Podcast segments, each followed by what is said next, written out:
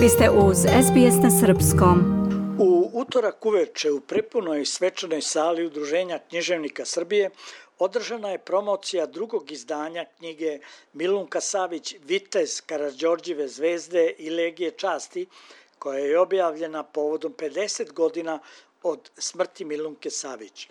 Ko autor ove knjige Vidoje Golubović ocenio je da o čuvenoj srpskoj ratnici i heroini balkanskih i Prvog svetskog rata treba govoriti kao o ikoni srpskog naroda. Za života je postala legenda i verujemo da će tako i ostati, rekao je Golubović i nastavio. Teško je bilo istraživati zato što se pred nas sakupilo puno dokumenta koji nisu bili arhivska građa, već u mnogo slučajeva slobodna interpretacija pojedinih ljudi. I ta prva knjiga koja je izašla, to je bila prva monografija na 40 godina njenog upokojenja i priča o njenom životu. Prije toga je postoje roman, u svo uvažavanje, znate, sloboda autora je da se kroz romane na razne načine izražavaju i da upotrebljavaju svoje osjećanja, misli, razmišljanja. Međutim, ovde se moralo stati iza dokumenta, iza izvora i pokušati biti precizan. Na stranu, što se kod jednog de dela ljudi, naučnih istraživača, naučnika, osporavalo prvo naše naučno zvanje ili, verifi, ili naučna verifikacija, za Pavlovića koji je naučni, koji je vojni istoričar, teško da se može bilo šta osporiti. Ceo život čovjek radio i proučavao i istoriju.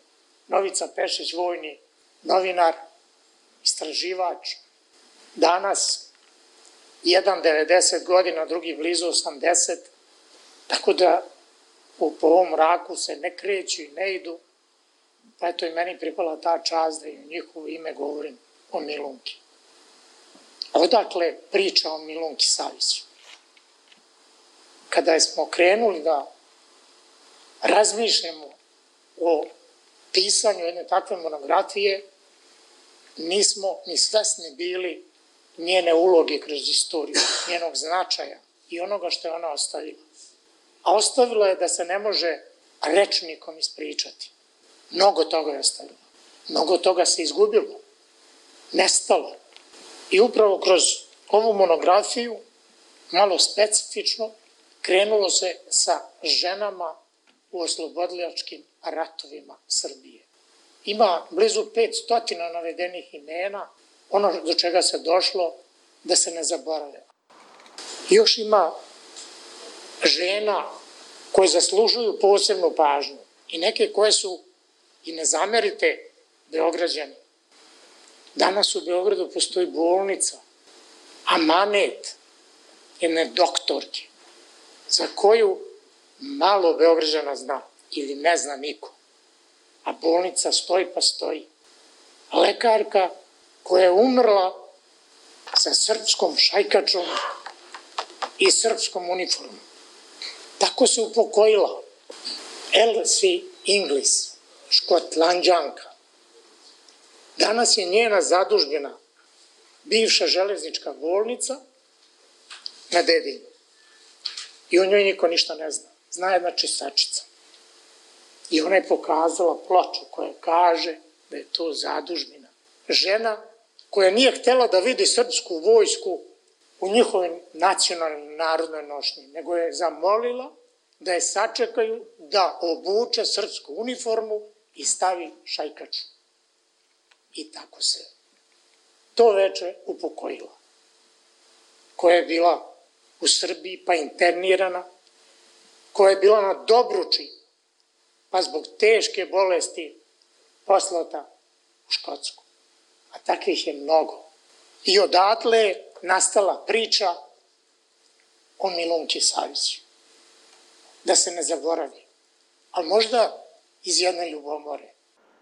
Milunka Savić se kao dobrovoljka borila u Balkanskim i Prvom svetskom ratu, od 1912. do 1918. godine i bila je primer smelosti i junaštva, ne odustajući ni posle ranjavanja, već se nakon oporavka iznova vraćala u borbeni stroj.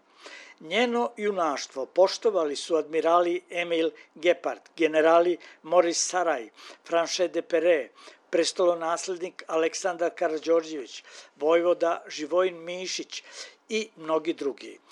Milunka Savić je tek 40 godina posle smrti sahranjena u Aleji Velikana. Promociji koju su organizovali Prometej i zavičajno udruženje Rašana prisustvovali su književnik Milisav Savić, državni sekretar u Ministarstvu za rad, boračka i socijalna pitanja Zoran Antić, i drugi ugledni gosti, a nekoliko kosovskih pesama otpevala je Aleksandra Đorđević. Knjigu o Milunki Savić napisali su Vidoje Golubović, Novica Pešić i Predrag Pavlović. Iz Beograda za SBS Hranislav Nikolić. Želite da čujete još priča poput ove? Slušajte nas na Apple Podcast, Google Podcast, Spotify ili odakle god slušate podcast.